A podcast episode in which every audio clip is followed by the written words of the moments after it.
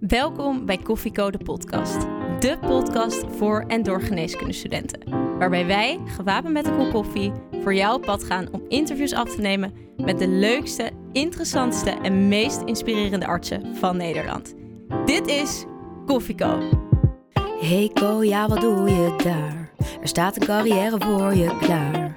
Maar je weet nog niet wat en waar. Een cappuccino maakt het minder zwaar. Dus zet je volumeknop omhoog. Want je luistert Koffie Co en je weet het zo. Papa, papa, para, para. Leuk dat je weer luistert naar een nieuwe aflevering van Koffiecode podcast. Wij zijn Mare En Teuntje. en vandaag hebben wij te gast professor Dr. Bob Pinedo. Een ware celebrity onder de oncologen en grondlegger van het Cancercenter in Amsterdam. Superleuk dat wij een kopje koffie met u mogen drinken in de praktijk waar u eigenlijk als gepensioneerd arts nog steeds elke vrijdag werkzaam bent. Uw registratie is net weer voor vijf jaar verlengd. De meeste artsen die denken na hun pensioen, nu is het eindelijk tijd voor rust. Wat ging er in u om dat u dacht, ik ga er toch nog even mee door?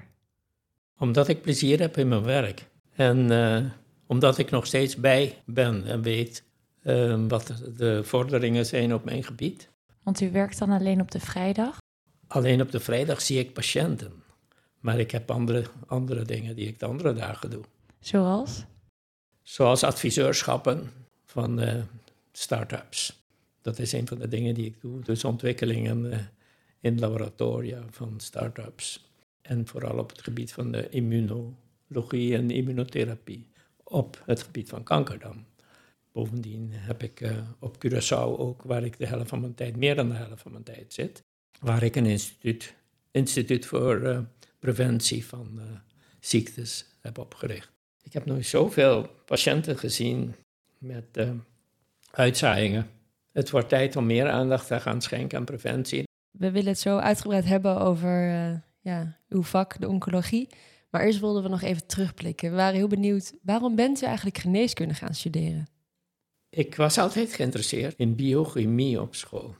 Ik heb toen bij de keuze even accent gelegd op chemie en ben ik naar Delft gegaan.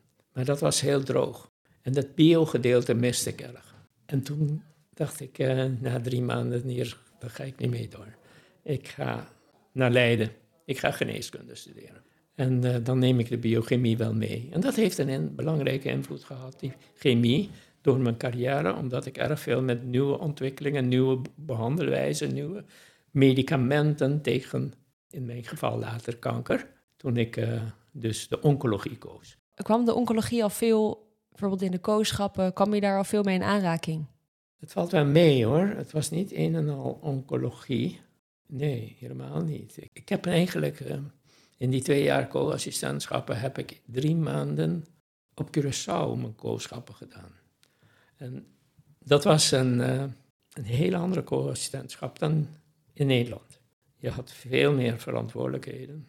Maar op Curaçao maakte je ontzettend veel mee. Je maakte om te beginnen hele lange dagen. Je had om de dag dienst, s'nachts. Dus je sliep in. De dagen waren extreem lang, tot 's avonds laat. Je had een verantwoordelijkheid die groot was. En je had heel veel patiënten waar je verantwoordelijk was, zoals 60. En dat zijn grote aantallen. Maar ik heb ook incidenten meegemaakt met patiënten. Mijn oude mevrouw, die zou dan hypertensie hebben. En toen zei ik tegen haar, ze kwam in een rolstoel binnen. Waarom ben je in een rolstoel? Jij kan niet goed lopen. Ik zei, wat is er dan met je been? Oh, dat is niets bijzonders, het is, het is ingepakt. Waarom? Hoe lang is het dan ingepakt? Ja, misschien twintig jaar. We moeten het uitpakken, want ik wil toch weten, wat met je bloeddruk, daar kom je voor, want in die tijd werd je voor bloeddrukinstelling opgenomen. We hebben het over 55 jaar geleden of langer. Dus ik eh, zeg, ik maak het los. Dus ik, ik ben dat los gaan winden en de verpleegkundigen waren naast mij. Op een gegeven moment was het helemaal open en dan vielen er duizenden maden op de grond. En die kropen overal in de gang van het, waar we waren. Ik dacht, wat is dit? En, eh, en die mevrouw keek toe, ze zei niet veel hierover. Ze keek gewoon zelf ook een beetje verbaasd.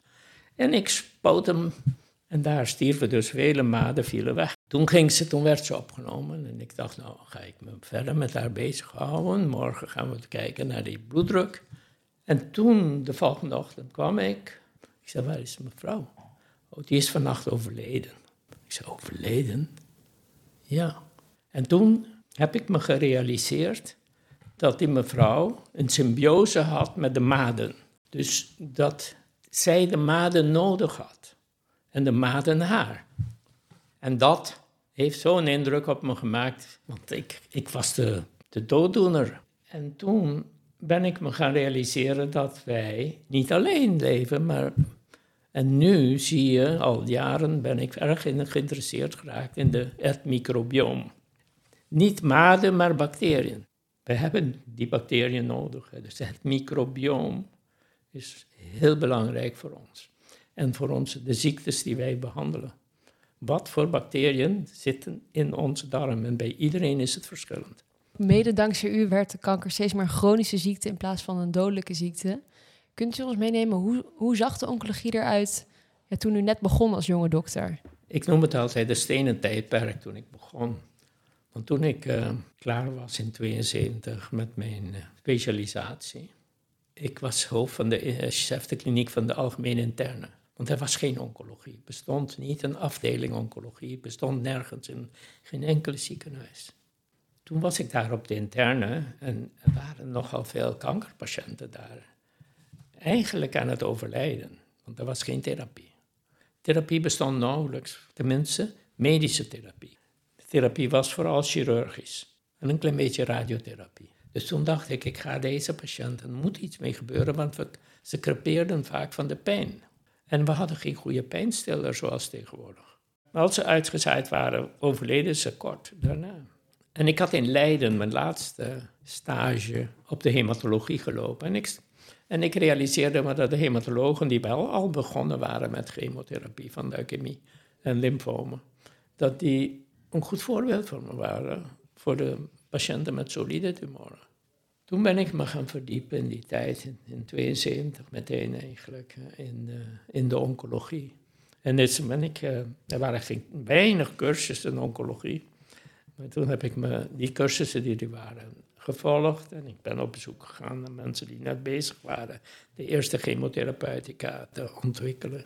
En ik heb ze meegenomen naar, naar Utrecht, waar ik dus mijn afdeling had. Maar wel een, ook een hele lastige periode, kan ik me voorstellen, als er nog niks bestaat. Uh, u bent een jonge dokter en het moet allemaal nog opgezet worden. Dat is een flinke taak. Wat was uw drijfveer om hiermee door te gaan? Nou ja, ik was gekomen om de patiënten te helpen. En ik ben medicijnen gaan studeren om de mensen te helpen. Als je ziet dat er helemaal geen hulp geboden kan worden, is dat de, de drijfveer voor mij geweest. Om daar iets aan te doen. En in Nederland was er weinig uh, research gaande op het gebied van chemotherapie. Maar in Milaan was er al een mooie groep. Dus mijn drijfveer bracht mij naar Milaan, waar uh, het middel adriamycine werd ontwikkeld. Ik ben naar die chemicus gegaan, ik heb een tijd daar gezeten. En, uh, maar zo heb ik een groep meteen opgericht in Utrecht, een subafdeling um, oncologie binnen de interne. En dus is dat gaan lopen. En u richtte ook het Cancer Center in Amsterdam op. Hoe ging de oprichting daarvan? Toen ik in 79 um, werd uitgenodigd, of in 78, uh, om uh, hoogleraar te worden in Amsterdam. Toen ben ik daarop ingegaan. Dus uh, toen ben ik naar Amsterdam, ben ik daar benoemd. En ik heb een afdeling opgezet en jarenlang daar gewerkt in, als afdelingshoofd en opleider. Want in die, intussen kwam, kwam wel de opleiding oncologie later. Dus ik heb die afdeling opgezet. En er kwamen andere afdelingen. Wij hadden een eigen laboratorium binnen de afdeling. Er waren andere afdelingen die oncologisch onderzoek gingen doen. Maar op een gegeven moment in 2003 dacht ik, nou, zoveel afdelingen die research op kankergebied doen. Interactie is onvoldoende.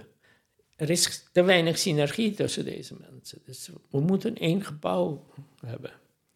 En uh, we moeten ze allemaal daarin stoppen en dan helpen ze elkaar vanzelf. En dat heeft gewerkt, want, want het oncologische research van de VU is sinds die eh, interactie heeft het een enorme spurt genomen. En eh, ook internationaal eh, heel erg aan meetellen. Dus dat gebouw was voor mij nodig om ehm, de interactie tussen de vele groepen die goede research deden, overigens. Maar die, dat kon altijd beter, het kan altijd beter. En een groot rood-blauw gebouw langs de snelweg, dat is iets om super trots op te zijn wat u heeft opgericht. En waar bent u nou het meest trots op? Het meest trots ben ik, denk ik, op de. Nou, aan de ene kant de Spinoza-prijs in Nederland. Dat is de belangrijkste prijs. Maar ook de Amerikaanse prijs, de David Karnofsky Award, die ik in 2014 kreeg. Veel indrukwekkende prijzen. En uh, over Spinoza gesproken, want uh, we hadden gelezen dat u ook een belangstelling heeft voor, uh, voor hem. En dat er werd, werd geschreven in een artikel, hij wilde begrijpen waarom de dingen waren zoals ze waren en had lak aan de ideeën die al duizenden jaren bestonden en niet in twijfel mochten worden getrokken. Geldt voor u hetzelfde in de strijd ja. tegen kanker? Ja, en Spinoza trok mij ook omdat zijn vader een voorvader van me is, een directe voorvader. En, oh. uh, en aangezien ik erg veel, dat als ik tijd heb, dan doe ik veel familieonderzoek, genealogie. Dat is mijn hobby. En in uw uh, carrière was u soms ook, net als Spinoza, dat u van de richtlijnen afweek en eigenlijk niet Ja. de waarheid nam zoals hij was? Men lachte er vaak om. En pas nu zie je, want wij pasten de immunotherapie toe in de jaren negentig. Heeft u een voorbeeld waar eh, om mensen moesten lachen? Een patiënt belt uit eh, Californië, het is een Braziliaan, en die zegt: Ja, ik ben opgegeven hier. Ik, eh, ik heb zoveel longuitzaaiingen. En ik zeg: nou, Mag ik bij je langskomen? Ja, dat is goed. Dus die man vliegt naar Amsterdam. En ik, ja, inderdaad had hij acht longuitzaaiingen. En, en ik liet ze nog een keer bekijken. En onze patholoog-anatoom zegt: Ja, maar dit is een melanoom. Wisten wij toen al dat melanoom en immunologie veel met elkaar te maken hadden. Dus ik eh, benaderde mijn eh, chirurg. Ik zeg, wil je die acht uitzaaiingen verwijderen? En dan maken we een vaccin met zijn eigen tumor. En dan spuiten we dat bij hem in na de cellen te hebben gedood. En dus kijken of de antigenen een immuunreactie kunnen opwekken via zijn huid. Want de huid is het belangrijkste immuunorgaan die we hebben. Daarom vaccineren we ook in de huid. En eh, heeft het afgeleverd en we hebben toen een vaccin van, van gemaakt. En vlak voor het inspuiten dan met heel veel stralen bestraald, zodat het dode cellen waren. De antigenen zitten er nog op. Dus die hebben we intracutaan ingespoten. Die man heeft nooit meer metastase gehad. En die man werd, twintig jaar later kreeg hij een lymfoom. En eh, overleed in Brazilië. Ik heb hem toen niet meer gezien. Maar men lachte hierom natuurlijk. Dat is belachelijk wat je daar doet. Maar nu is, zie je terugkomen dat men wil weten welke antigenen deze tumor van deze patiënt bezit. En hoe kunnen we daarvan gebruik maken? Maar dit is een, ehm, een succesverhaal. Doordat u durfde te experimenteren. Maar heeft u ook wel eens dat uw experimenteren u. ehm, Tot de dood leiden? Nee. Nee. Ik wist uit andere proeven bij dikke darm, want daar hadden we echt een studie lopen net. Dikke darm, met, dat hebben we in de Lancet gepubliceerd. ehm, dat het vaccineren met de eigen tumor een effect heeft. En dat je al, je lichaam dan ook de micro-uitzaaiingen die je niet ziet, uitschakelt. Dus dat onderzoek, ook laboratoriumonderzoek, dat had laten zien dat het werkt, maar dat het geen enkele bijwerking had. De patiënt had er helemaal geen klachten van. We hebben die colon-studie, hebben we toen gepubliceerd, gerandomiseerde studie, al of niet eh, vaccineren. Toen deze meneer ook niet goed leek, hebben we dit bij melanoompatiënten gedaan. Eerst opereren, veel, zoveel mogelijk weghalen en dan vaccineren. Maar ja, het punt is dat het niet aanslaat omdat het geen product is. Je eigen tumor bereiden. En dat heeft ook problemen of met patenten en dat soort dingen. De indruk die u mij geeft is dat u niet van opgeven houdt. Dat u altijd tot het uit. Het gaat om de beste zorg voor je patiënten te leveren. Als de patiënt maar wil. Als de patiënt het wil. Maar waar, waar trekt u de grens? Op een gegeven moment zijn patiënten niet meer curatief te behandelen. De patiënt hoeft niet curatief te behandelen. Diabetes is ook niet curatief. Je behandelt het en uh, als, je, als het maar niet te veel bijwerkingen heeft. Dus als een patiënt niet curatief te behandelen is, want een patiënt met chronisch kanker, die heeft een goed leven. Als je maar niet de hele tijd bombardeert met, uh, met stoffen die hen ziek maken. En dat af, wat is ziek, dat hangt van patiënten af. Wij moeten niet zeggen wat kwaliteit van leven is. Dat verschilt heel erg van mens tot mens. Dus eigenlijk elke patiënt bij u krijgt een ja, persoonlijke behandeling. Ja, je wil weten hoe de patiënt, wie achter die patiënt zit. Wie is dit? Voordat je begint, moet je weten. Je kunt niet de patiënt als een nummer behandelen. Je moet de patiënt kennen. En daarvoor moet je tijd nemen. En helaas in deze tijd is er geen tijd.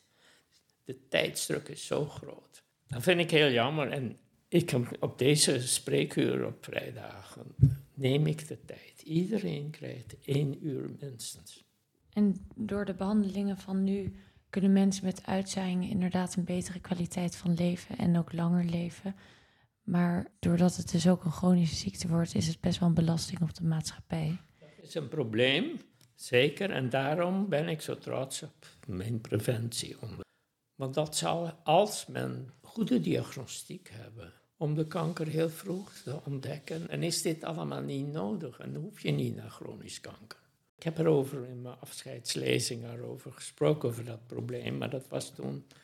Het ging om DNA-onderzoek in de ontlasting, wat ik daar vertelde. En als je gemethyleerd DNA hebt, je kunt aantonen in je ontlasting, dan zal je wel kanker ergens in de tractus digestivus hebben. Maar dat was een heel moeizaam onderzoek. Toen bleek dat het heel moeilijk was om de ontlasting goed te onderzoeken en snel.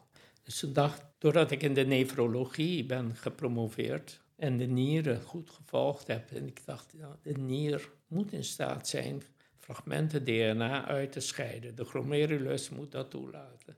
Ben ik gaan onderzoeken. Ik ben van die ontlasting afgestapt naar de urine. En dat bleek inderdaad dat wij gemethyleerd DNA in de urine konden aantonen. Als we nou even in de verre toekomst kijken, denkt u dat we ja, ooit de oplossing hebben voor alle kanker?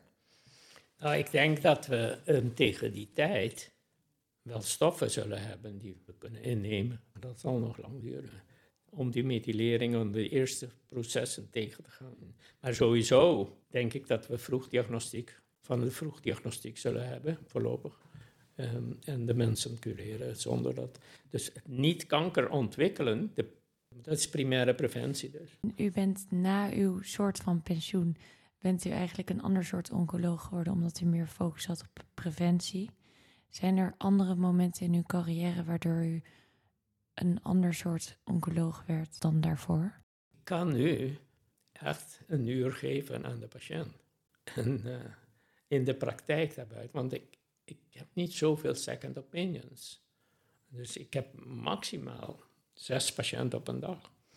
Maar ik bereid het allemaal veel beter voor dan vroeger. Dus de dag tevoren heb ik... Me, ik moet de dossiers minstens twee dagen daarvoor ontvangen. Compleet. Met de CD-ROM, met de, met de scans. Ik kijk naar de scans. Ik weet precies wie daar binnenkomt. Ik heb al een idee, maar ik wil meer weten wie is dit eigenlijk. Daar, kom, daar besteed ik zeker een kwartier aan om over de familie en de kinderen en zo te praten. U heeft veel meer maar, tijd voor de patiënt. Veel meer, ik, heb, ik heb meer tijd voor patiënten. En heeft u in uw persoonlijk leven wel eens um, te maken gehad met kanker? Gisteren, mijn broer. Mijn broer belde op uit New York, waar hij woont. En hij heeft, ze hebben een PSMA-scan gedaan. Ik dacht al, een paar, twee weken geleden, hier moet iets, moeten we alert zijn, er is iets aan de hand. Dus ik, uh, hij was bij een verkeerde uroloog, in die zin. Die zei dat het een infectie was. En hij kreeg antibiotica. En ik zei, nee, je moet naar die persoon in New York gaan. En die zal, als die ook infectie zegt, dan oké. En dat is, gisteren belde hij op. Ze zeggen dat ik kanker heb. Vanavond is hij, ziet hij de uroloog. Snel hoor, de volgende dag. Ziet hij de uroloog. En dan mag ik, bellen ze mij in. Zodat ik ook, ook erbij zit. Dat is heel persoonlijk. Vandaag, ik bedoel, van vanavond om acht uur. En dat is heel persoonlijk, ja. Maar ik heb twee dochters gehad, dat weet u ook uit het... eh, die in 2014 allebei eh, kanker hadden. Eén is internist. En die andere is journalist bij de NRC. En hoe, hoe verandert het uw blik op, eh, ja, op de zorg en de, de oncologische zorg als het zo dichtbij komt? Het is alleen zo dat het in je persoonlijk leven wel wat verandert. Dat je daardoor toch meer tijd vrijmaakt voor, eh, voor de kinderen. En voor je vrouw. U geeft heel veel tijd aan de, aan de, de patiënt en alles wat u doet. En u bent nu nog steeds eh, volop bezig. Heeft u nu tijd voor zichzelf? Nou, ik heb meer tijd voor mijn hobby, die genealogie. Ik heb nu dit congres, maar daarna ga ik geen congressen meer organiseren, want dat kost me zoveel tijd. Dat, eh, Want hoe vindt u ontspanning? ik zwem veel. Op Curaçao elke dag anderhalf uur. En hier loop ik. Ben nu ook komen lopen en ik loop terug naar huis. En ik loop bijna elke dag hier. Gisteren was het 8500 stappen. Als ik in Nederland ben, heb ik gemiddeld 10.000 stappen per dag. En eh, dat houdt me goed. En is er iets in uw loopbaan als u nu terugkijkt wat u anders had willen doen? Nou, ik denk dat ik meer tijd eh, zou hebben geprobeerd. Maar dat is een conflict situatie dan. Want als je dat helemaal goed wil doen, wat je doet voor de patiënt, het is haast niet te combineren. Wat zou u de nieuwe generatie dokters willen meegeven? Ik zou willen zeggen, niet iedere patiënt is hetzelfde. Behandel ze niet als een nummer. Probeer te begrijpen wie je voor je hebt en hoe het met de familiesituatie is, voordat je beslist over welke behandeling je gaat geven. Professor Dr. Pinedo, hartstikke bedankt voor alles eh, wat u ons heeft verteld en ook wat u heeft gedaan voor, eh, ja, voor de zorg. Luisteraars, jullie ook bedankt eh, voor het luisteren. Blijf ons volgen op onze alle kanalen en dan zien we jullie de volgende keer bij Koffieko de podcast.